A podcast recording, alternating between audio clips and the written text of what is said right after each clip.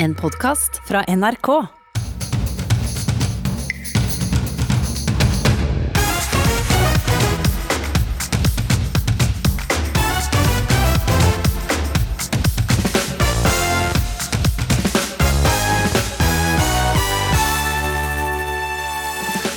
I dag er det et eh, halvt år siden Norge stengte ned.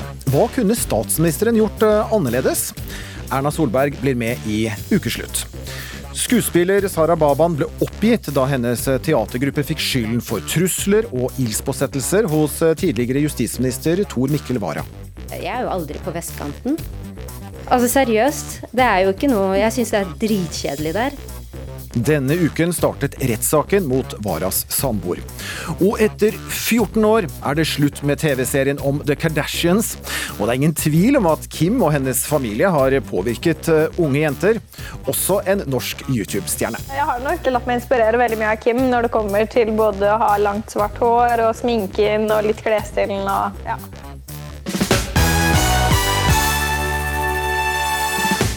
Og vi skal også til Moria, tre dager etter storbrannen i flyktningleiren på Lesvos. Velkommen til ukeslutt i NRK P1 og P2. Jeg heter Vidar Sem og blir med deg de neste to timene. I dag er det nøyaktig seks måneder siden koronapressekonferansen som påvirket alle nordmenn i ulik grad. Med få ord stengte statsminister Erna Solberg store deler av Norge. Scenarioene viser at flere mennesker vil dø av korona i Norge. Flere vil oppleve å få planlagte operasjoner utsatt som følge av kapasitetsutfordringer i helsesektoren. Og hverdagen til mange blir snudd på hodet. Alle landets barnehager, skoler, videregående skoler, høyskoler og universiteter stenges. Og med de ordene altså, så stengte du store deler av Norge, statsminister Erna Solberg. Velkommen til ukeslutt.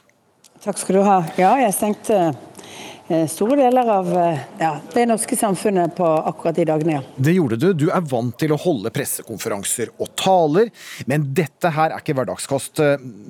Dette er ord fra deg som skriver seg inn i historiebøkene. Hva gikk gjennom eh, ditt hode da du holdt denne pressekonferansen? Først og fremst så var det ganske mye hastverk den dagen, sant? så vi var litt heseblesende inn i eh, de formelle og ferdiggjorte alle beslutningene og det.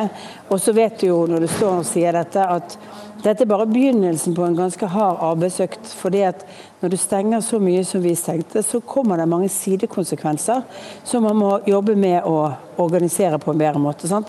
I løpet av helgen gikk vi fra å sette folk som kom til Norge i karantene, til å avvise de på grensen, bl.a. å stenge grensene, fordi vi så at det første vi hadde tenkt ikke kunne gjennomføres. Når du står der og tenker, så vet du at du er på begynnelsen av noe som du ikke helt har oversikten over, og som man er nødt til å gjøre veldig mye mer om. Men det var et hastverk for å få gjort beslutningene. Og det, det, følte jeg nok litt på. Ja, altså Var du mer nervøs i forkant enn du pleier, i den grad du er nervøs? For her måtte jo hvert ord veies i gullvekt.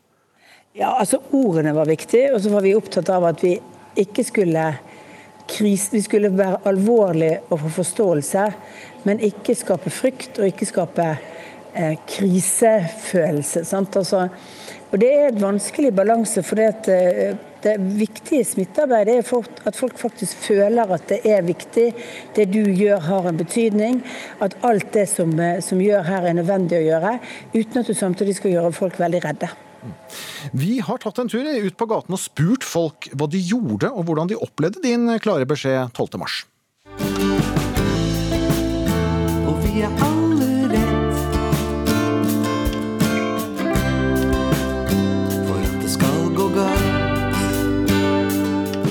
gjorde du da Erna Solberg stengte Norge 12.3 i år? Og hva jeg gjorde? Du, Da satt jeg på landre mat og tok en øl med noen venner. Og så snakket vi om at eh, det er helt sykt at korona kom til Norge. Så vi snakket egentlig om det og tenkte at vi fikk være ute så lenge vi kunne den kvelden. Og så dro vi vel alle hjem til eh, våre hjembyer etter det, tror jeg. Da var jeg på jobb, faktisk. Det høres jo litt dramatisk ut. Det var litt, sånn, litt spennende, men eh, det var litt skummelt også. Jeg visste ikke hva vi hadde i vente. Hva tenkte du da, da Erna Solberg sa nå stenger vi landet? Hva jeg tenkte da? Nei, jeg tenkte det var det var kanskje fornuftig, for det var jo veldig skremmende. For det kom veldig plutselig, så det syns jeg var uh, ubehagelig, da. Alt er rolig nå.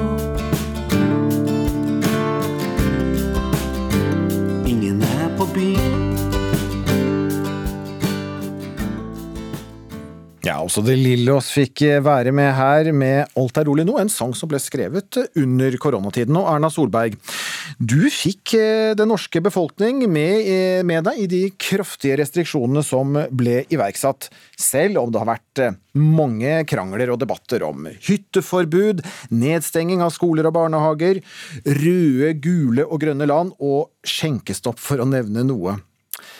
På en skala fra én til ti, hvor fornøyd er du med valgene som du og regjeringen har tatt? i Metall? tall. Nei, fire-fem, kanskje. Altså, det viktige vi gjorde den 12. mars Det er ikke så mye! Nei, men altså, altså jeg, jeg, sa jo, jeg sa jo tidlig at vi kommer til å gjøre feil. Og det har vi sikkert, sånn som vi ser i ettertid, eh, gjort noen ting som vi med dagens kunnskap ikke ville gjort på samme måte. Hva da? For, det, eh, nei, altså for eksempel så har vi jo nå lært oss at vi kan drive skoler i en større smitte, særlig for de små barna, i en større smittesituasjon ved at vi har kohorter, større avstand, at vi er i faste grupper. Altså Vi har laget et større virkemiddelapparat for hvordan vi kan håndtere ting. Men der og da, på det tidspunktet Jeg vet ikke om vi kunne gjort så veldig mye annet, for å være helt ærlig. Jeg tror På det tidspunktet var det viktig å stoppe at folk møtte hverandre i Norge. Minst mulig folk skulle treffe hverandre utover den egen familien for å stoppe smitten på det tidspunktet. Og Da var det jo å stoppe at det var fullt på bussene, da var det å stoppe at folk reiste på jobb og at de hadde hjemmekontor istedenfor. Da var det å stoppe at barn og unge gikk på skoler og at eh, idrettslag og alt annet hadde aktiviteter. Men i etterpåklokskapens er ja. Lys, Erna Solberg, så hadde dere ikke stengt skoler og barnehager. Nei, altså Med den kunnskapen vi har i dag om hvordan vi kunne drive eh, de laveste trinnene Jeg tror vi hadde stengt mye av skolene fortsatt. Altså Universitet og ungdomsskole ungdomsskoler og videregående skoler hadde nok vært stengt. Men en del land har jo valgt f.eks. å la de yngste barna fortsatt gå på skole. Det hadde vi hatt mulighet til hvis vi hadde kunnet organisere skole på den måten som vi nå kan organisere skole. Men det tar litt tid. Og med det hastverket vi hadde på det tidspunktet, så gjorde vi ikke det. Nei. Og det har vært, som jeg nevnte, debatt rundt ganske uh, mange ting. Og mange har jo kjent også på frykt og fortvilelse gjennom det siste halvåret. Sykdom og død. Jobben som forsvinner. Hvis du skal trekke frem en følelse du har kjent på disse månedene, hva er det? Um, uh, kanskje først og fremst denne følelsen av at tiden sto litt stille i en periode. At eh, du ventet så intenst på å få virkning av de tingene vi hadde gjort. At du føler liksom at selv om ting på en måte gikk raskt, så gikk det likevel. Og Det er jo fordi tempoet i alle sitt liv gikk ned, og da sto tiden litt mer stille. Og Det slo meg, selv om jeg jobbet ekstremt mye. Så um, du ventet egentlig på én ting, og det var å se at kurvene snudde. Og så har jeg kjent på følelsen av at jeg er stolt av det norske folk. Fordi at vi forsøkte å ikke krisemaksimere, vi forsøkte å være tydelige, men samtidig appellere til folk, og norske folk har virkelig stilt opp. Det var jo ikke sånn at vi i motsetning til veldig mange andre land stengte liksom kjøpesentre og alt mulig annet, men folk tok avstand. Butikkeiere passet på avstanden i butikkene sine. Det var eh, meteren og tometeren som det den gangen, det var ikke en meter engang, sant, ble praktisert. Du, altså de var veldig flinke til å følge opp, og selv om det var litt mange på Ikea og litt mange som skulle kjøpe på byggmakker og lage ny terrasse og sånn for i påskeferien, så har det norske folk faktisk fulgt utrolig bra opp. Ja, og Gradvis eh, utover våren så ble jo Norge åpnet opp igjen, og vi gikk vel en lys og eh, forhåpningsfull sommer i møte. Og så kom tilbakeslagene med flere ganske kraftige lokale smittespredninger. Du snakker om, om folk som har fulgt opp her, men eh, dette med smittevernregler. Denne uken så meldte vi her i NRK eh, at en undersøkelse viser at seks av ti nordmenn som har fått pålegg om koronakarantene eller, isol- eller, eller isolasjon, også bryter pålegget. Og verstingen er de over 50 år. Blir du irritert når du hører sånt? Eh, Jeg jeg blir ikke irritert, men jeg tenker at eh, det er viktig å huske at vi har ikke karantene for din skyld når du settes i karantene. Er du syk, så er det selvfølgelig også for din skyld. Men hvis du har vært i nærheten av en som er syk, så har vi deg i karantene for at du ikke skal smitte andre. Og du vet ikke hvem du møter på gaten eller i butikken eller et eller annet sted som kan ha nettopp vært kreftoperert. Nettopp hatt andre sykdommer. Og jeg tenker, Den følelsen må folk ha. Eh, Vi gjør ikke dette for å være kjipe, vi gjør dette for å sørge for at flest mulig i Norge skal bevare god helse og bevare livene sine. Helt til slutt, eh, Erna Solberg, en kort spådom. Når kommer du til å slutte å snakke om korona, Trond? Jeg kommer helt sikkert til å være noen milepæler hvor folk kommer til å intervjue meg om korona i årene fremover. Men jeg håper jo at vi i løpet av neste år skal klare å få opp et vaksinenivå i Norge som gjør at eh, da blir korona noe vi snakker om i, eh, i fortid, ikke i nåtid. Det har altså gått et halvt år som vi alle har fått eh, kjent på. Takk for at du ble med i Ukeslutt, eh, statsminister Erna Solberg, på dagen et halvt år etter at eh, Norge stengte ned. Ja, Den overgår alt vi kunne forestille oss. Rettssaken mot tidligere justisminister Tor Mikkel Waras samboer Laila Bertheussen. Hun står tiltalt for å ha truet sin egen samboer og den daværende beredskapsministeren, men nekter på alle punkter. Påtalemyndigheten mener Bertheussen skrev trusselbrev, tagget ordet rasist og tente på sin egen bil for å sverte en teatergruppe hun følte seg krenket av. Reporter Kari Li møtte en av skuespillerne som provoserte Bertheussen det var ekkelt. Det var skummelt, egentlig, at de tingene skjedde. Fordi at jeg, jeg skjønte altså Nå snakker jeg på vegne av meg selv. At jeg skjønte at det er noen som prøver å eh, linke det til eh, teaterstykket. Om det var tagging, eller om det var eh, bilbrann utenfor huset til Vara, så skrev de i neste avsnitt eh, og teaterstykket som hadde filmet Sara Baban har lilafarga hår og en ring i nesa, og skiller seg ut blant jurister i dress og journalister i allværsjakker. Alle er i Oslo tingrett for å høre Laila Bertheussen forklare seg offentlig for første gang. Baban har møtt Bertheussen tidligere, på Blackbox teater i november 2018. Da hun var der, så skjønte vi ikke at det var henne.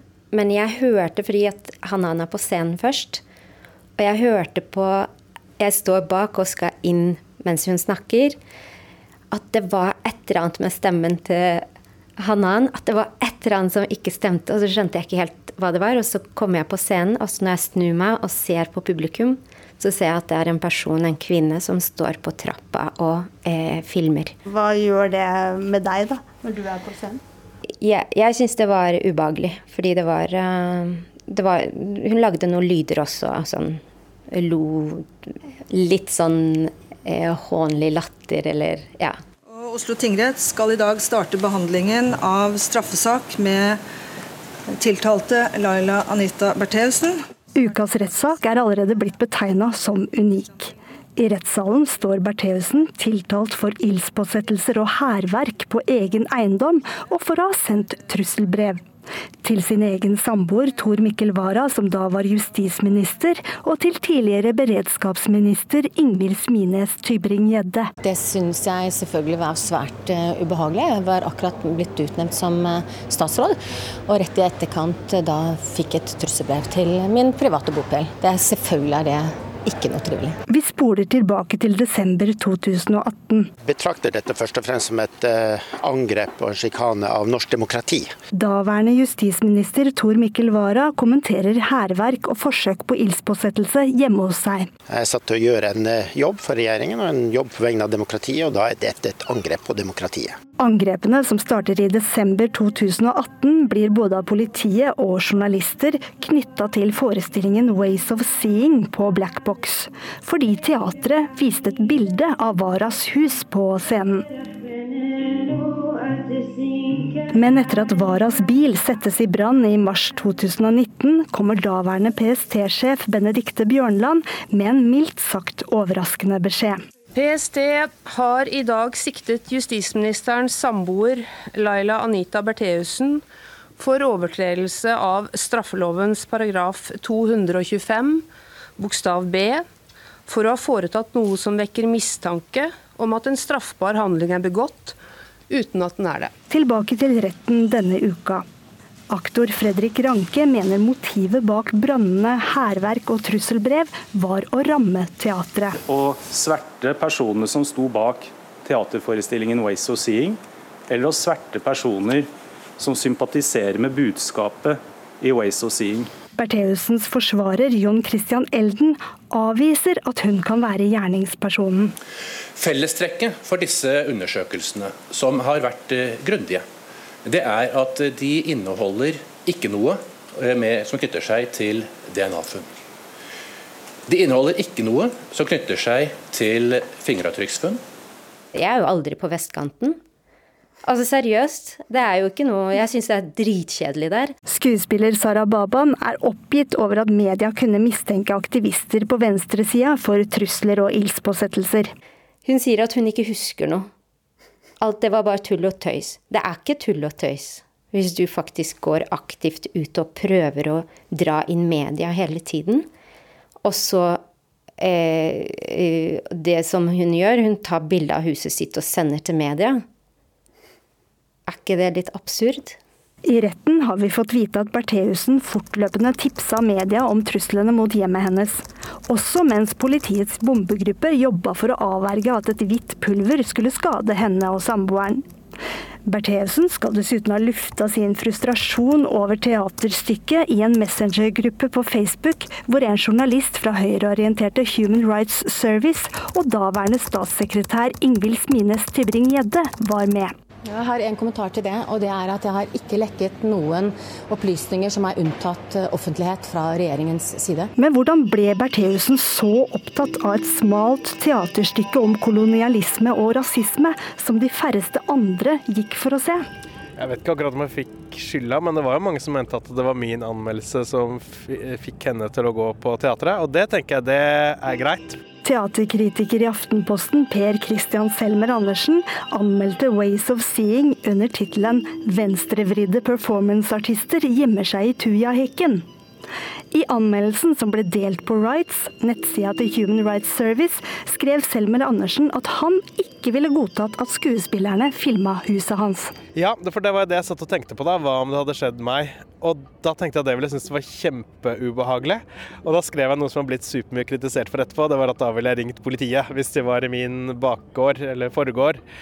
Eh, også I dag så ville jeg nok ikke ringt politiet, for nå har jeg skjønt at det er det jo mange nok andre som gjør. Når, når de, eh, og eh, det er jo veldig viktig for meg å understreke at da satt jeg så på dette som en teaterforestilling og tenkte jeg kunne skrive litt humoristisk om en teaterforestilling også, da. Selmer Andersen kritiserte teaterstykket for å ikke gjøre det det lova, nemlig å avsløre et nettverk som skulle hjelpes av rasisme. Eh, Ways of Seeing har vist at den filmingen kanskje var nødvendig, for nå har de jo klart å avsløre noen nettverk som vi ikke visste om. Skjønner du at hun Bertheussen syns det var eh, for drøyt at huset ble filma? Det er et litt vanskelig spørsmål, for det er på en måte to svar på det spørsmålet. Det er det menneskelige svaret som jeg nettopp sa, da, at hvis det hadde vært hjemme hos meg, så hadde jeg syntes det var veldig ubehagelig. Og så er det litt den rolleforståelsen-svaret, som er at hun må jo også forstå at hun er kona til eh, justisministeren. Og det kan, hun, det kan hun på en måte ikke snakke seg fra eller skrive seg fra. da. Og om Laila Bertheussen er skyldig etter tiltalen, skal dommerne vurdere om ni uker. Du hører på Ukeslutt i NRK P1 og P2. Bli med oss videre og møt KrF-nestlederen som fikk smake sin egen politikk da hun skulle kjøpe øl i butikk, etter at alkoholsalget var stengt. Og har du blitt utsatt for løgn i dag? Det vet du nok ikke, for vi er elendige på å avsløre andres usannheter, sier filosofen som kommer hit.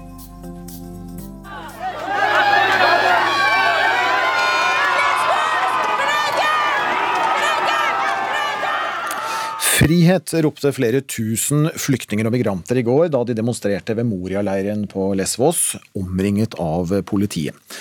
Onsdag morgen ble leiren, som har blitt beskrevet som helvete på jord, oppslukt i flammer, og tusenvis av mennesker står uten mat, drikke og et sted å bo. Og Roger Severin Bruland, vår europakorrespondent, du er i Moria på Lesvos nå. Vi hørte fra demonstrasjonen eh, her i går eh, nettopp nå, det høres dramatisk ut. Nå er det på nytt brutt ut demonstrasjoner. Hvordan er situasjonen? Ja, Det er jo enda mer dramatisk i dag, for eh, politiet har eh, begynt å skyte tåregass. Og eh, demonstrantene har begynt å kaste stein. Så det har vært mange Det er jo veldig mange folk som er bor rundt der demonstrasjonene foregår. Og jeg får jo rapporter her at folk sliter med å puste, spesielt gamle folk, for det er så mye tåregass i lufta. Så situasjonen er veldig, veldig spent akkurat nå i dag. Mm. Hva er det først og fremst demonstrantene nå eh, er sinte for? Ja, det er jo det at det har vært flere dager på eh, gata, og matdistribusjon matdistribusjonen går tregt. Eh, de har ikke sanitære forhold, de har ikke tak over hovedet. Og så er det jo det her at de ikke får komme seg ut av sperringene for å handle seg mat. Det er jo mange som har penger sjøl som kan gjøre det. Så de føler det at de er bare sperra inne i et helt sånn uutholdelig fengsel. Bor på gata, det er 40 grader, og, det er vanskelig å finne en skygge der du kan plassere de, de svakeste barna og de eldre. Ja, og Det er mange tusen mennesker det er snakk om her. Hva gjøres eh, konkret da, for flyktningene og migrantene fra Moria nå? Ja, En prøvde jo i går å begynne å kjøre inn telt. Eh, så begynte lokalbefolkninga å sperre veien. De vil ikke ha noen ny leir. Eh, så eh, helikopter har jo flydd inn og bygd opp en ny midlertidig leir, som der er plass til ca. 3000 mennesker. Men det er jo altfor lite kapasitet. Vi snakker jo om 13 000 mennesker totalt, så, så det er jo ikke det vil jo ta lang tid eh, før denne situasjonen eh, har funnet en løsning. Her hjemme er det nå et stort engasjement for å ta imot flere fra Moria-leiren, og det legges press på regjeringen, som hittil har snakket om 50 stykker. Hvilke håp og forventninger har flyktninger og migranter som du har snakket med? Jeg kan jo spørre eh, medhjelperen min her. Jeg har jo med meg Marianna eh, Karakolaki, som har jo jobba med denne problemstillinga i fem år og, og tar doktorgrad i det. And um, uh, what does the, um, the migrants and the refugees say to you? Uh, what kind of expectations do they have to find a solution to this problem? So they, they want safety. They know that in Greece they are not safe, and uh, this is the case. They are not safe in Greece. And uh, they want to either meet with their own families and they want to calm down and have a safe and uh, secure life somewhere, be it Greece or be it Northern Europe. It always depends on single situations. Also, uh, Problemet her også er jo det at her er jo en del folk fra det ekstreme høyre som i nattetidene har eh, gått til angrep på enkeltmigranter. Så, så en føler en sånn generell utrygghet, både de som er beboerne i leiren, men også hjelpeorganisasjonene som skal inn og hjelpe. Og Det gjør jo problemet bare ekstra større. Og så ser en ikke noe nærliggende løsning, for det er jo ingen andre land som vil ta imot eh, disse her Eh, flyktningene og migrantene. Og hvis en skal begynne å redistribuere dem, så vil det jo komme krav fra kanskje både Italia og andre land som sier at da må, da må jeg også ta derifra. Slik at eh, det er en skikkelig politisk eh, nøtte her. Men en må jo finne en løsning, og spesielt EU må jo inn her og, og prøve å finne et eller annet kortsiktig løsning, slik at en i alle fall får løst opp i den humanitære krisa og, og de kortsiktige behovene Eh, først og fremst. Men en har sett veldig lite konkrete planer og tiltak eh, både fra den greske regjeringa og fra, fra EU. Mm. Og sikkerhet er altså noe av det flyktningene og migrantene etterspør. Takk skal du ha, Roger Severin Bruland eh, fra Moria på Lesvos. Nå skal vi til en familie som har betydd mye for mange. You're such a bitch. You're a bitch because you cry. I will you up, you literal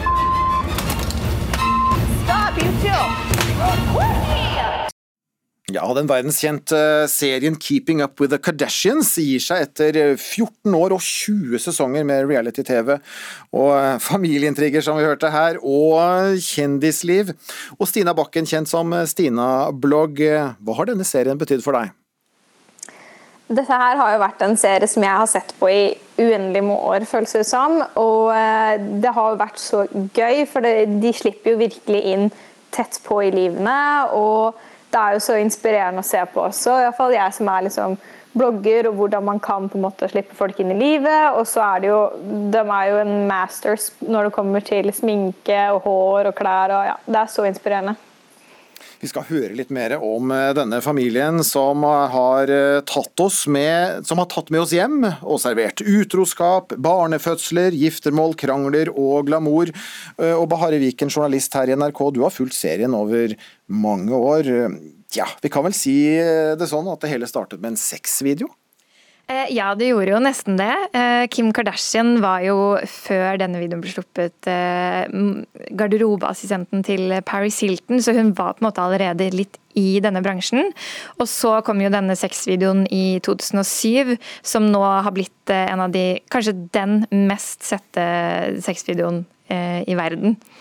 Eh, så, og moren til Kim Kardashian, Chris Jenner, har jo vært sammen med advokaten til OJ Simpson, eh, Robert Jenner, nei, Robert Kardashian, eh, og vært sammen med Bruce Jenner, som var en stor idrettsstjerne i USA. Så hele familien har på en måte vært litt oppvokst i dette miljøet. da. Mm. Men en eh, sexvideo var det kanskje det som skulle til eh, for at eh, Keep Up With The Kardashians eh, startet. Eh, hvorfor ble denne serien så populær? Det er jo noe med at uh, disse menneskene hadde, var så godt planta i forskjellige deler av liksom, kjendismiljøet i USA. Uh, og så er det jo det med at de klarer å lage dramatikk over en, uh, det minste ting, over en øredobb. Og du blir liksom også tatt med litt bak fasaden på dette polerte bildet som man kanskje ser veldig på Instagram. Da. Der er det jo veldig mye sminke. Det ser veldig polert ut. Ja, det gjør det. Ja. Og så er det litt gøy da å komme på baksiden og se, liksom, følge dette dramaet. da. Det litt, det litt usminka bildet også. Ja, du får jo absolutt også se de helt usminka og helt upolert, og på deres verste og beste. Mm. Det er jo flere søstre her. En hovedrolle er det vel Kim Kardashian som har? Ja, man kan jo si det. Hun eh, Det starta jo også med at det eksploderte litt eh, etter den sexvideoen hennes. Så hun har For da ble hun veldig berømt? Ja, eh, og hun, jo, og hun, er jo også sammen med Kanye West. Så hun har jo på en måte vært det store Kardashian-ikonet, da. Fra starten av. Mm. Eh, hvorfor slutter serien nå? Courtney, som har sagt at hun ikke har lyst til å være med i den siste sesongen nå. bare rett og slett er lei av serien. De har holdt på i 14 år og kanskje har lyst til å gjøre noe annet. Det kan jo sikkert også være litt belastende å ha TV-kameraer inne hele tiden gjennom så, så, mange år. Eh, litt invaderende, vil kanskje mange si. Eh, Stina Bakken, eh, vi hørte deg i starten her. Altså, du har latt deg inspirere. Du er altså influenser og har vært med i TV-serien Bloggerne. Hvordan mottok du budskapet da, om at 'Keeping Up With The Kardashians' er slutt etter 14 år? Nei, Jeg syns det var utrolig trist, fordi det har vært en serie som er utrolig morsom å se på, og som på en måte har forma popkulturen veldig i mange år. Så jeg syns det var veldig kjipt, men jeg regna med at på et eller annet tidspunkt så måtte de jo på en måte slutte. Men eh, det er kjipt. Lytterne ser deg ikke, vi, vi er på radio, men eh, ja er det lov å si at eh, ja, du ser ut som en av Kardashian-søstrene med langt, mørkt hår? Eh, ikke kunne vært det, eller?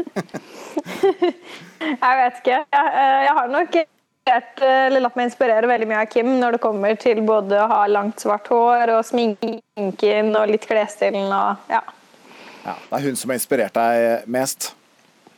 Ja, absolutt. Det er Kim som på en måte er den som jeg har som favoritt, og som jeg blir mest inspirert av. Men hvordan har det inspirert deg da, som, som blogger og, og influenser? Nei, både med hvordan de deler, at de faktisk deler alt som ikke er polert også, litt veldig bak fasaden. Eh, og både det med sminke og hår og klær og, og generelt bare hele pakka deres. Både det med at de også viser kropper som ikke er syltynne, men også viser litt former. Men nå er det slutt. Hvem skal du la deg inspirere av nå, da? Godt spørsmål. Jeg kommer nok til å følge, eller jeg har jo fulgt alle sammen på Instagram lenge, og jeg kommer nok til å fortsette å følge veldig mye med på hva Kim gjør og sånt nå, men uh, det blir nok litt annerledes nå som de ikke holder på med TV-serien lenger. Mm. Uh, Bahari Viken, eh, kollega her i NRK. Hva skal vi se på nå når The Kardashians forsvinner? Eh, det har jo blitt en liksom trend da, å få sin egen serie når man er en eh, stor profil. Eh, og flere i Norge også som kommer med serier. Både Vegard Harm og Funkyfam, og nå kommer også Isabel Rad med egen serie. Så det er mye å ta av selv om Kardashians forsvinner. Men inspirert av The Kardashians, kanskje? Kanskje. Takk for at dere ble med i Ukeslutt, blogger og influenser Stina Bakken og kollega her i NRK, Bahari Viken. Debatten om alkoholsalg har blusset opp igjen etter at Høyres programkomité la frem forslag om å utvide salgstiden på alkohol i butikk. I godt over 200 år har landet vårt både hatt forbud og innskrenkinger, frislepp og selvbetjening på alkoholsalg. Ukeslutts reporter Philip Johannesborg tok en tur på butikken rett før alkoholsalget stenger. Det er lørdag, klokken er fem på seks, og du strener mot alkoholavdelingen. Der, ja. Noen kalde halve. Ingen tid å miste. Nei! Åh, kø. Lang kø. Igjen, igjen. Du er nesten fremme. Nei, du, sorry, ølsalget er faktisk stengt. Rundt klokken 20 på hverdager og 18 på lørdager møtes nordmenn over hele landet av slike svar. Eh, de er stressa, for de må være i kassa før klokka åtte. Eller klokken seks på lørdager. Eh, og det går fort unna. for å si det sånn. Og kommer du for sent, så er det heller ingenting de bak kassa kan gjøre. Jeg kan ikke bry meg så mye heller. Hvis de er sure, det er ikke noe jeg kan gjøre med det. ikke sant? Men hvorfor er norsk alkoholpolitikk så streng? Ja, det har vært eh, ikke sure, men skuffet. Skuffelse. Ser mer skuffelse i folk. Ifølge seniorforsker ved Folkehelseinstituttet Ingeborg Rossov må vi tilbake til 1814 for å finne grobunnen for norsk alkoholpolitikk. Eh, Norge gikk ut av eh, unionen med Danmark eh, og inn i unionen med Sverige, så var det en slags frihetsstemning og frihetsrus i Norge, som også da ble forbundet med at man liberaliserte en del alkoholpolitiske virkemidler, så man slapp det løs. og Det betydde også at brennevinskonsumet økte voldsomt i denne, de første tiårene. Da var det ikke alle som klarte å beherske seg. Bønder brant opp kornet som skulle være såkorn, og neste års produksjon gikk fløyten fordi det gikk til brenning og brennevin. Og det er klart at det var en, det var en katastrofe for, for, mange familier. Og siden har Norge vært i særklasse strenge med alkoholsalget. For motreaksjonen kom, og senere har det blitt politikk. En grunn til at Norge har en i utgangspunktet restriktiv alkoholpolitikk er nok at avholdsbevegelsen har stått sterkt i Norge. Og tradisjonelt er det tilgang og tilgjengelighet som har stoppet folk fra å drikke seg fra gård og grunn, og nå senere også helse. Det er bare 23 år siden tidene for alkoholsalg ble satt slik de er i dag, og du husker kanskje at det er like lenge siden Vinmonopolet sluttet med skrankesalget sitt. Spesial. En og du i. Ja. En hel 60 En 60. Ta to av den. To hele 60. To hele 60 Det er fest, dette, da. Ja, to 60% Det blir to ganger 60. Det er 120 det.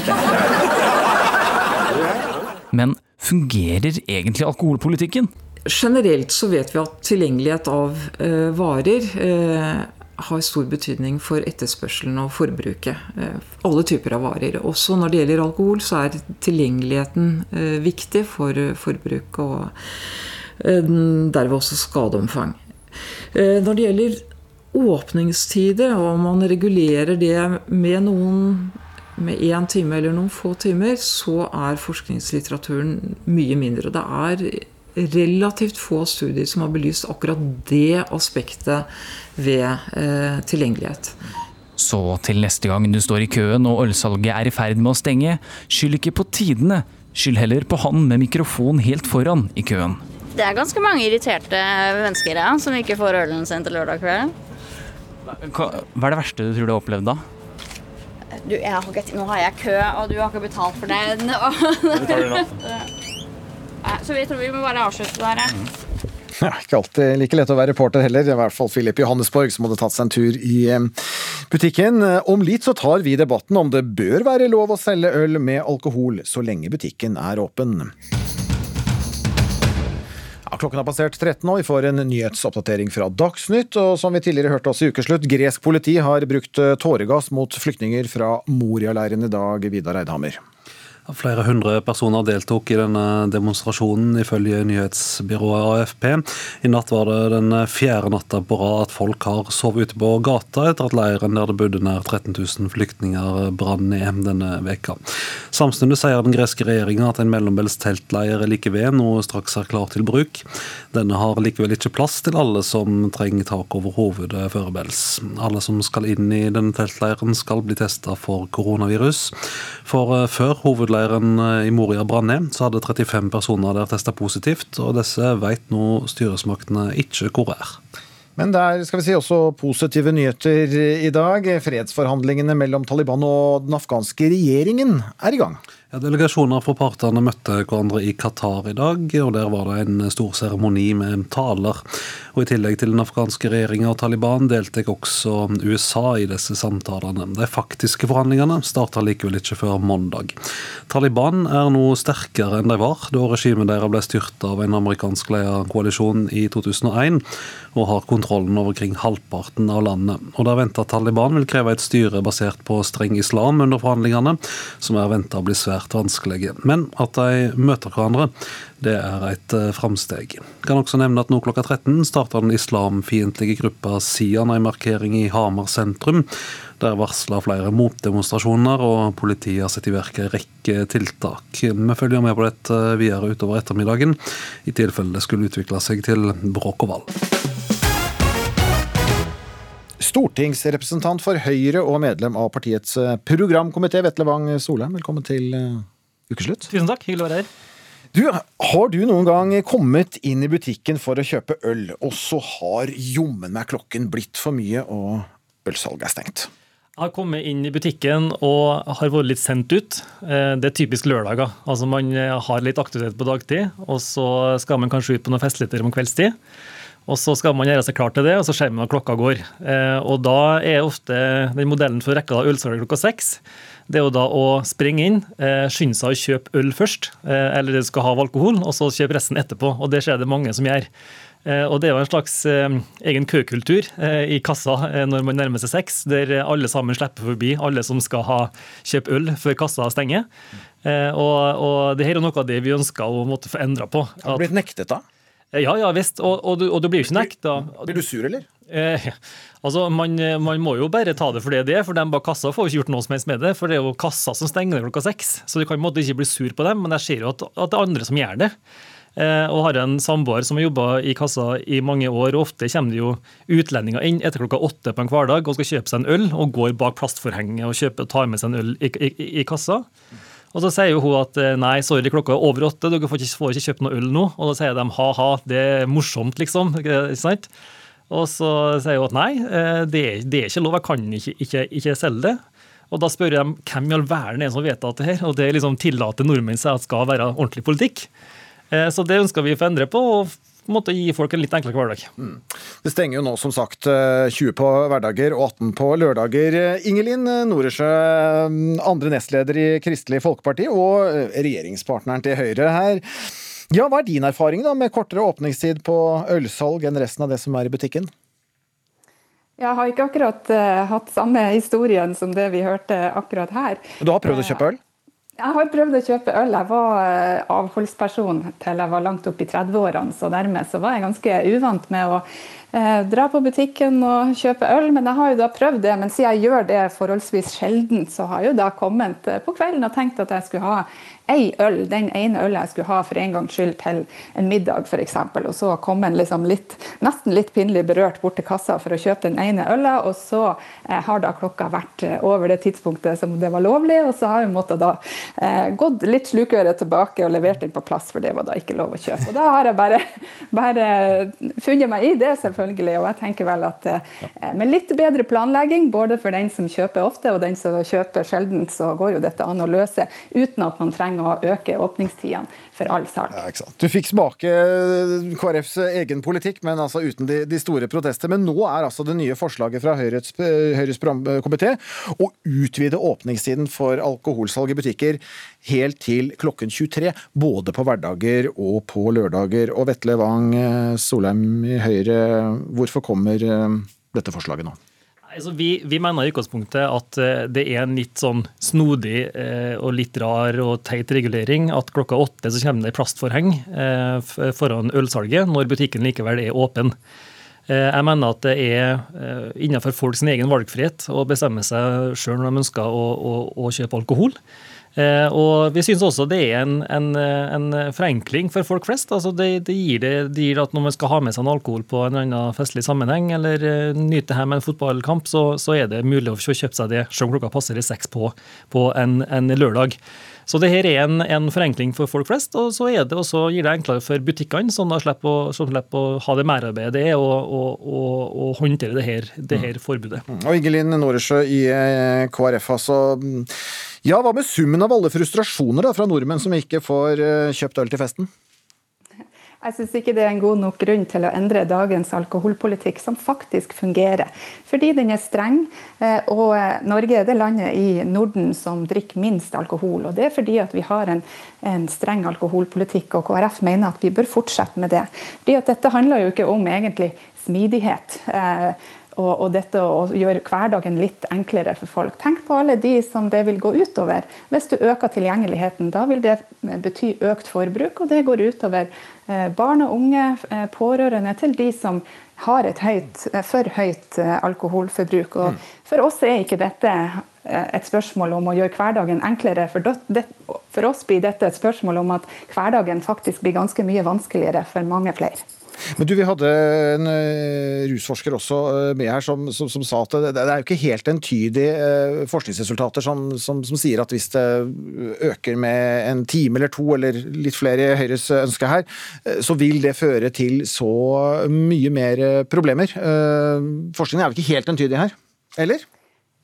Nei, men det, du kan jo si at Hvis du flytter åpningstida en time eller to, så forskyver du vel kanskje bare den problemstillinga man allerede har. Forskyver du det fra seks til åtte, så får du den samme køproblematikken klokka åtte istedenfor klokka seks. Altså, vi mennesker er jo laga litt sånn at vi er ute i siste liten, så da forskyver man bare tidspunktet til eh, problemet til et annet tidspunkt. Og så i tillegg får man økt tilgjengelighet, som da gir økt forbruk. Eh, det er i hvert fall mange som er enig i det forskningsmessig, og KrF mener at det rett og slett er en dårlig idé. Og Det er vel et poeng, Vetle Wang eh, Solheim. Og det er jo nå en eh, innarbeidet ordning. Vi har eh, latt oss vende til disse her forhengene. De har, de har pågått. Det har vært noen år. Også Løsninga på å forskyve køa til åtte må være å forskyve den til elleve. Så håper vi at den ikke er det i det hele tatt. Men, men vi har hatt, jeg tror vi har hatt åpningstida sånn i stort det som vi har nå, siden 1997. Eh, og ølsalget har siden da holdt seg stabilt. Eh, så det har måttet ikke gått opp eller ned. Og jeg tror dem som er avhengig av alkohol, som misbruker alkohol. Det, for dem tror jeg nok ikke åpningstida er det store problemet. Men, og det, noe, altså, men det handler liksom om folks valgfrihet. Eh, og jeg mener det at eh, norske folk er godt opplyst om at det å drikke mye alkohol er skadelig, og det er en valgfrihet man må få lov til å ta. Men du sier meg, Hva er dette for slags frieri til regjeringskameraten KrF? Dere går jo rett inn i en hjertesak til, til KrF med et sånt forslag, og dere ønsker fortsatt å sitte i regjering sammen. Ja. Det er ikke noe godt frieri, dette her. Nei, I Høyre så diskuterer vi nå Høyres primærpolitikk, eh, og hva man forhandler seg fram til i en regjeringsplattform. Det er ikke det vi lager politikk for nå. Også når Høyre og Frp og Venstre laga sin plattform, så hadde vi åpning til 21 som et forslag. Det fikk ikke, ikke, ikke flertall. Men jeg mener jo i prinsippet da, at det er KrF som må forsvare hvorfor man ikke ønsker å gi den folk denne valgfriheten. Eh, det er dem som har bevisbyrden for hvorfor det ikke er smart. Jeg mener at det er enklere å, å gi dem den. Dere har bevisbyrden, Ingelin Orsa, men eh, er det et et forhandlingskort fra Høyre som kan, som kan forhandles fra KrF sin side? Vi har jo en god alkoholpolitikk i dag. Den fungerer som sagt, og vi har blitt enige med Høyre før. Jeg tenker at eh, Høyre syns nok at det er så kjekt å regjere med KrF at dette skal vi løse på en god måte. og Da vet nok Høyre at dette er en eh, sak som står veldig høyt hos oss, og eh, som vi er opptatt av. For det, også dette sosialpolitikk. Det handler om å beskytte de som eh, ikke kan beskytte seg sjøl. Frihet for noen vil gi ufrihet for andre. Så dette handler om hvem vi ønsker å gi mest frihet. Eh, og det er de som er mest sårbare, barn og unge, de som er pårørende til de som sliter. Og for alle de andre, de kan godt vente eh, til over helga eller til åpningstiden er der, før man kjøper sin lovlige del av alkohol. Vi syns det er kjekt å regjere med KrF, og det får vi også til. Eksempel I dag så er åpningstida på polet en time lenger, og det har vi fått til sammen med KrF. Men uansett klare ideologiske forskjeller her på to regjeringskamerater, KrF og, og, Høyre. Takk for at dere tok debatten om vi bør ha lengre åpningstid på alkoholsalg her i landet. Et klart ja fra Vetle Wang Solheim fra Høyre, og et like klart nei fra deg, Ingelin Norensjø fra KrF. Filosof Lars Fredrik Svendsen, velkommen eh, til Ukeslutt. Takk, takk. Har du løyet i dag? Du, det kan jeg med hånden på hjertet si at jeg ikke har gjort. Hvordan er det med deg? Uh, jeg tror ikke det. Uh, men er det en løgn at du ikke har løyet? Uh, det er det faktisk ikke. Men Og det var morsomt mens jeg holdt på å skrive denne boka, 'Løgnens filosofi', så forsøkte jeg også å holde litt sånn oppsyn med meg selv. da. Sånn hver dag når jeg skulle gå og legge meg. Ok, har jeg løyet i dag? Og svaret var jo stort sett nei. Og det, det, betyr ikke at jeg er eh, noe særlig ærligere enn de fleste andre, for de aller fleste mennesker lyver faktisk veldig lite. Mm.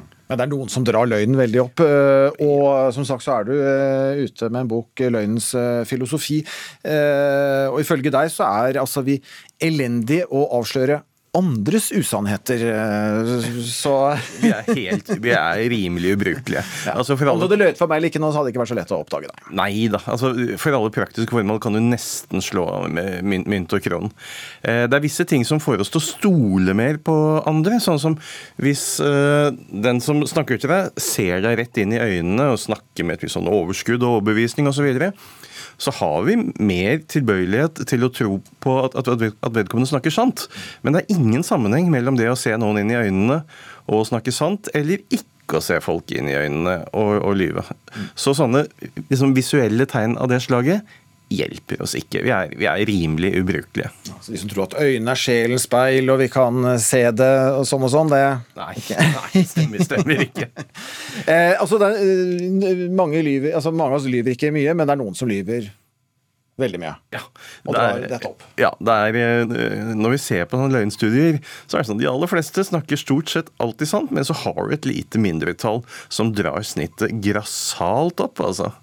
Og som lever godt med det. Ja, og, og ikke sant, altså grunnen til at de stort sett også lykkes med, med, sine, med, sine, løgner, det er jo fordi de aller fleste av oss er ærlige. Vi kan si at løgneren altså han snylter på det faktum at de fleste andre ikke lyver noe særlig, og slipper derfor unna med det. Mm. Vi har vært ute og spurt folk om deres eh, løgnvaner. La oss høre. Er du en eh, god løgner? Nei, det, det kan jeg ikke skryte på meg. Det på, eh, på, siste år på videregående så prøvde jeg å få folk til å tro at jeg var en eh, crazy fester, men den, den ble gjennomskua veldig, veldig fort. Du bare velger ut de tingene du vil si som er sannheter, men som kan gjøre at sannheten blir framstilt på en annen måte enn det egentlig er. Hvis du skjønner. Du utelar ting som ikke trenger å være med, på en måte. Hva er din beste løgn, vil du si? Gjennom hele videregående så fikk jeg folk til å tro at jeg hadde dårlig hørsel. Det er mest i sånne sosiale situasjoner hvor kanskje samtalen og sånt ikke er interessant, og jeg forsvinner litt i egne tanker, så bare sier jeg 'Å, beklager, kan du repetere hva det? Er Ørstein', vet du, og så det er veldig bra, da. Det funker. Du pynter på historien? Ja, ja, at jeg liksom gjør Kanskje overdriver litt, da, for å fortelle en mer spennende historie. at det er liksom Det er ikke så farlig med detaljene så lenge historien blir bra, liksom. Det, jeg husker da jeg var liten, så pleide jeg å bruke sarkasme hvis jeg måtte lyve, da. For jeg hadde ikke Jeg skulle ikke lyve, så jeg var liksom sånn Å, Nora, du er forelska i han gutten. Så jeg var sånn Ja ja. Jeg er kjempeforelska i han. Så sa jeg sannheten, da. Og så var jeg det. Og så hadde jeg ikke løyet. Ja, filosof Lars Fredrik Svendsen, er det gode løgner fra folk på gata? Jeg syns jo han var fin, han som hadde fått folk til å tro at han var litt tunghørt. da. Sånn at han slapp unna med ikke å være noe særlig tuna inn på omgivelsene. Ja.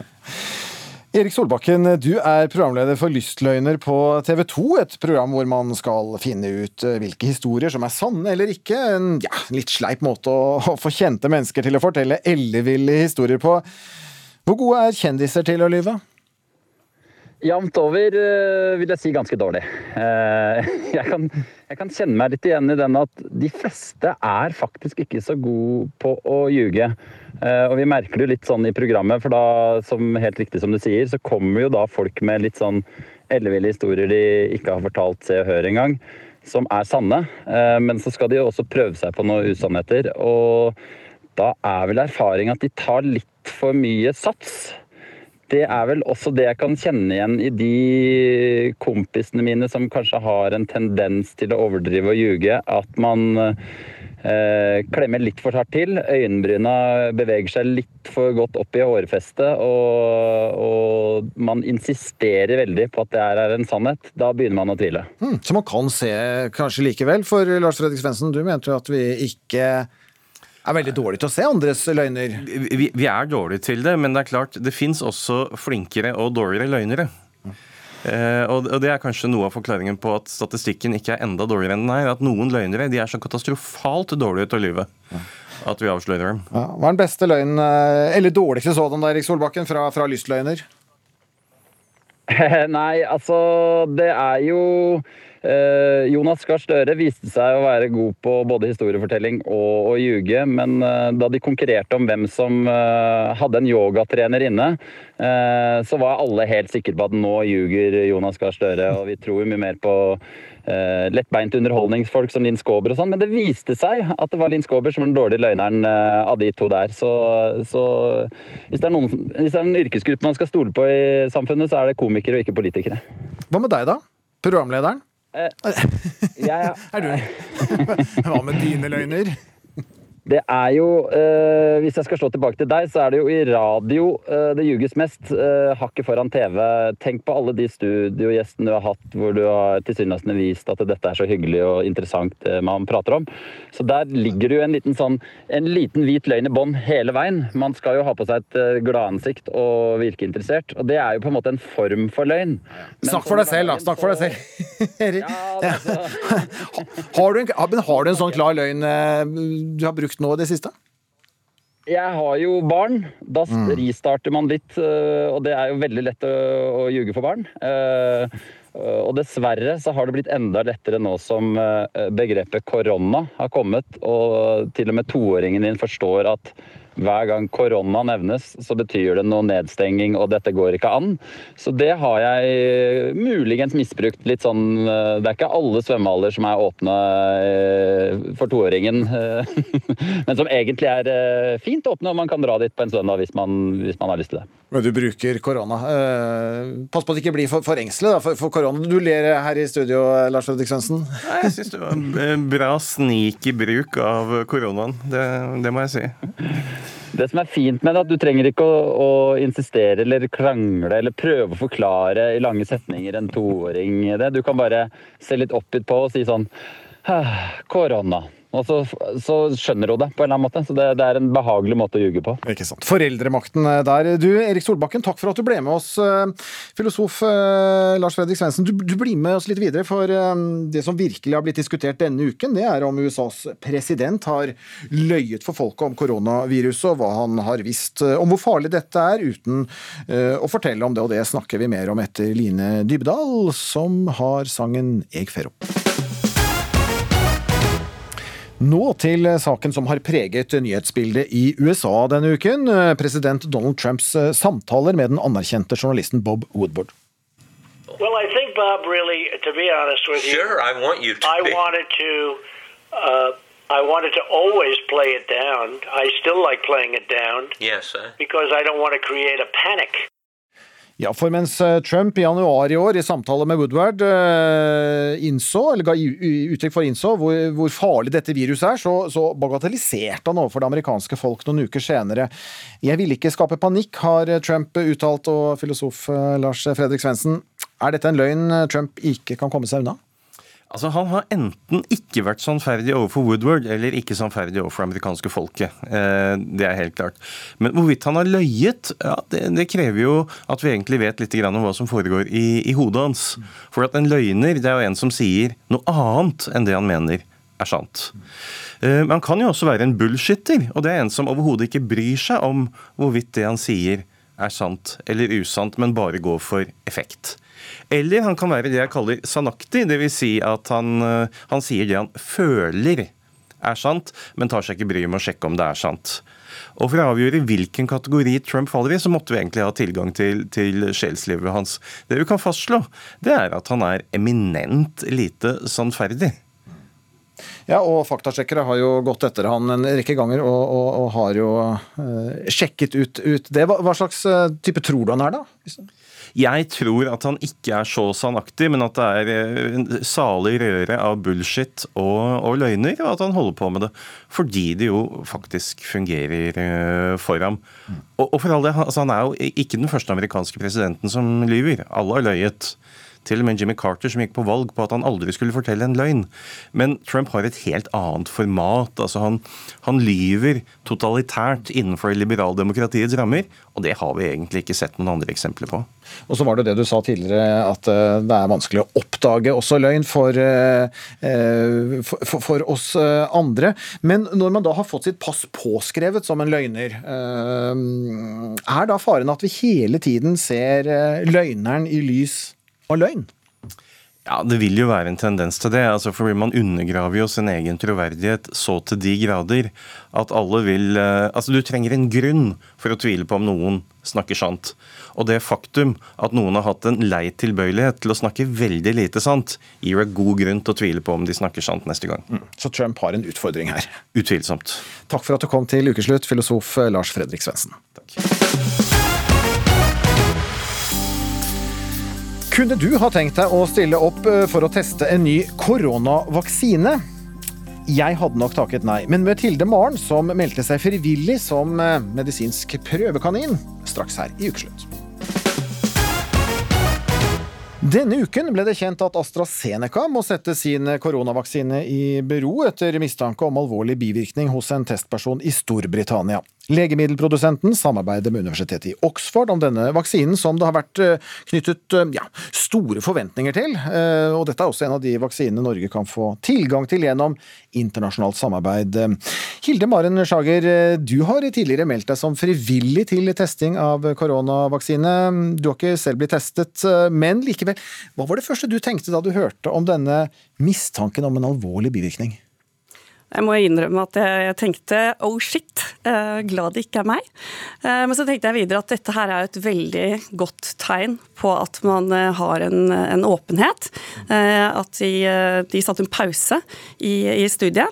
Og, og, en enda større tillit til at det vil være en, en lav risiko ved å være med. Mm. Her gjøres de rette prosedyrene. Ja, og også at det vil ta litt lengre tid, i hvert fall med den vaksinen enn vi har håpet på. Så jeg tenker at det er enda større årsak til at de burde vurdere Human Challenge Trials. Mm. Det har ikke, ikke skremt deg fra å, å fortsatt uh, ville være Nei, det, det, det, har det ikke. Um, Steinar Madsen, medisinsk eh, fagdirektør i Statens legemiddelverk. Vi vet jo ikke per nå um, om det er en årsakssammenheng her mellom uh, vaksinene og uh, hva som har skjedd med, med vedkommende. Um, men gitt at det er det, hvor alvorlig kan en sånn bivirkning være? En alvorlig bivirkning kan være veldig alvorlig, det har vi jo sett i tidligere utprøvinger. Ikke mye av vaksiner, men andre legemidler så kan man få veldig alvorlige bivirkninger. og Derfor så er det jo helt vanlig, enten det nå gjelder vaksiner eller kan man si vanlige legemidler, at hvis noe sånt skjer, så tar man en pause for å etterforske dette på den aller grundigste måten. Og Når vi sier alvorlige bivirkninger, hva er det? Eh, definisjonen vår på alvorlige bivirkninger det er en bivirkning som medfører sykehusinnleggelse, eh, varig men eller i verste fall døden. Vet vi noe mer om denne testpersonen? Nei, det har vært veldig mye frem og tilbake. Først ble det sagt at det skulle dreie seg om en ryggmargsbetennelse, og senere har det sagt at det ikke er det. Eh, nå arbeider selvfølgelig AstraZeneca sammen med de engelske legemiddelmyndighetene for å finne ut av dette, og jeg tror ikke vi skal spekulere altfor mye før vi vet mer om dette, og før vitenskapsfolkene har fått gjort jobben sin. Mm. Det kan også være en uh, alvorlig bivirkning uh, etter uh, test av vaksine. Likevel, Hilde Maren Sjager, ja, så ønsker du hvis jeg skal være litt flåsete å si, å, være forsøkskanin. Jeg må ærlig innrømme, jeg hadde ikke stilt meg i, i første rekke der. Hva er din motivasjon for å ville det? Uh, nei, altså, som sikkert veldig mange andre så følte på når dette her skjedde. Uh, en sånn frustrasjon og et ønske om å bidra. Altså, vi så det med, med fin koronahjelp f.eks. Og her var det plutselig en sånn veldig konkret måte å bidra på, som jeg vil si, relativt lav risiko, i hvert fall i forhold til den fantastiske oppsiden. Og En ting er på en måte hva som skjer og har skjedd her i Norge, men nå var jo Redd Barna ute nå forrige uke og kunne melde om bl.a. at 1,6 milliarder barn er utenfor skole. De tror at 10 millioner personer vil aldri komme tilbake. Så, så globalt sett er jo dette her en, eh, altså vår tids krig. Og veldig mange har gått i krigen eh, før, før meg. Så, og det er veldig mange andre. Nå ser det ut som at de ikke engang eh, vil ha meg, for jeg er 39 år, og de skal helst ha mellom 20 og 40 år, og kanskje er det ikke nok, nok smitte i samfunnet naturlig i Norge heller.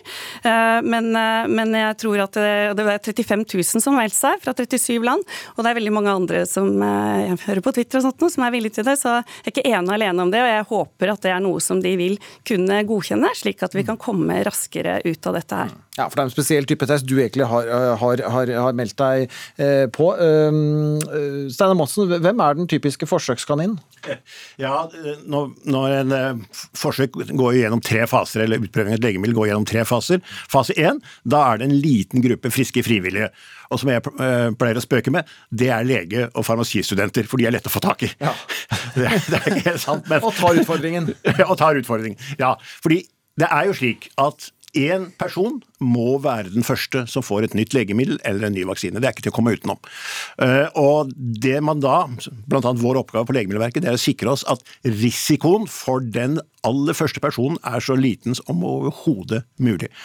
Og når vi ser på legemiddelutprøvinger gjennom de siste 20-30 årene, så har vi bare hatt noen veldig, veldig få alvorlige bivirkninger hos de første personene. Så dette har gått forbausende bra, fordi det er solid vitenskap bak dette. Kunne du stilt deg i, i første rekke her, Hilde Maren Schager? Vært den aller første som fikk en korona? Altså, jeg har to, to, barn, så jeg tror nummer én nei. Det kunne jeg ikke gjort. Nei, kommet litt ut i litt senere faser, sånn som nå, som denne her vaksinen vi snakker om at AstraZeneca er altså i fase tre, er det ikke sånn? Hvor det, hvor det er ganske mange tusen som som de, de, har jo nå et opplegg hvor 20 000 skal få vaksinen, og 10 000 skal få placebo eller narremedisin. Og Det er jo veldig veldig viktig at vi har disse to gruppene. fordi Hvis det viser seg at det er flere som får en bestemt tilstand hos de vaksinerte enn de som ikke er vaksinerte, så kan det ha sammenheng med vaksinen. Men hvis det er like mange i begge grupper, så har det sannsynligvis ikke noe med vaksinen å gjøre. Så dette med kontrollgruppe, som vi kaller det, og en aktiv gruppe som får vaksinen, er uhyre viktig. Før vi har det, så kan vi ikke være sikre egentlig på om en hendelse er en bivirkning eller ikke. Ja. Dette er jo et kappløp. Mange prøver nå å utvikle vaksine mot eh, koronaviruset. I dag så kom meldinger om at helsemyndighetene i Russland har startet arbeidet med å distribuere Sputnik 5 til eh, landets eh, regioner. I Aftenposten da kan vi lese at over halvparten av russerne ikke selv vil ta den der vaksinen. Ja, Når det gjelder denne vaksinen til russerne, så er det mye frem og tilbake. Jeg vet ikke helt hva jeg skal tro lenger. For først så skulle de starte vaksinering bare på bakgrunn av en bitte liten fase 1, fase 2-studie, altså med 76 pasienter, og det syns jo vi er veldig lite. Og så ble det sagt at de plutselig skulle prøve det på 40 000 i en fase 3-studie. Og nå kommer det plutselig beskjed om at de skal starte å sende den vaksinen ut til de forskjellige delene av Russland. Så jeg, jeg tør ikke spekulere på dette lenger, jeg. Og her har du kanskje ikke stilt opp, Hildemaren? Nei. Takk for at dere ble med i Ukeslutt, Steinar Madsen i Statens legemiddelverk og Hilde Maren Sjager, som tidligere har meldt seg frivillig til en uttesting av koronavaksine. Den islamfiendtlige gruppen Sian demonstrerer på Hamar i dag, og mange motdemonstranter har møtt opp. Tidligere har vi vært vitne til sammenstøt både i Bergen og Oslo. Og reporter Knut Øyvind Hagen, hvordan forholder motdemonstrantene seg denne gang? Det er eh, foreløpig ikke vold og sammenstøt, men det er likevel alt annet enn en vanlig lørdag her på Østre Torg i Hamar. Det er buing, det er amper eh, stemning, ungdommer som skriker og rister hardt i sikkerhetsgjerdene. Idet Sian begynte å snakke, så var det høylytt spill på trompet som en eh, protestfanfare. Man hører trompetene fortsatt, og man skriker slagord som 'rasister, rasister, kom deg ut av byen min'.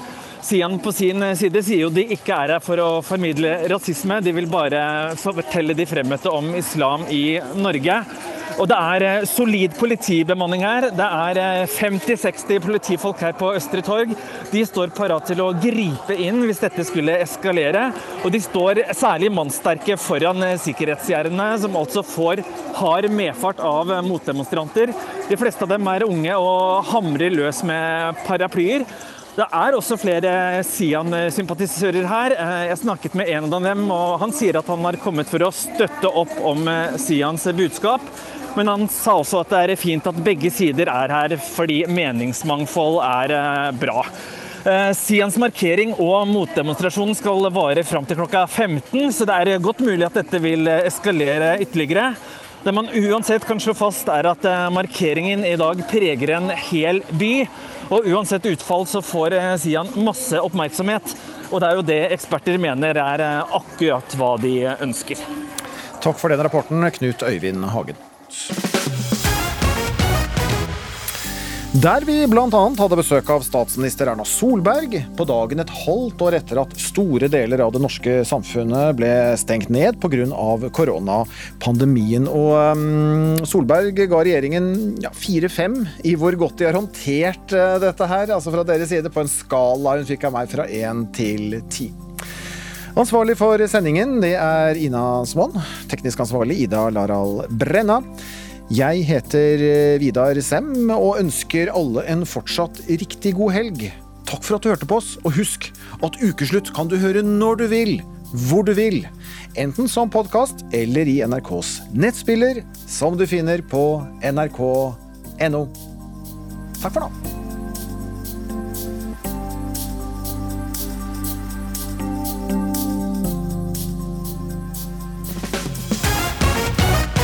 Du har hørt en podkast fra NRK. Hør flere podkaster og din NRK-kanal i appen NRK Radio.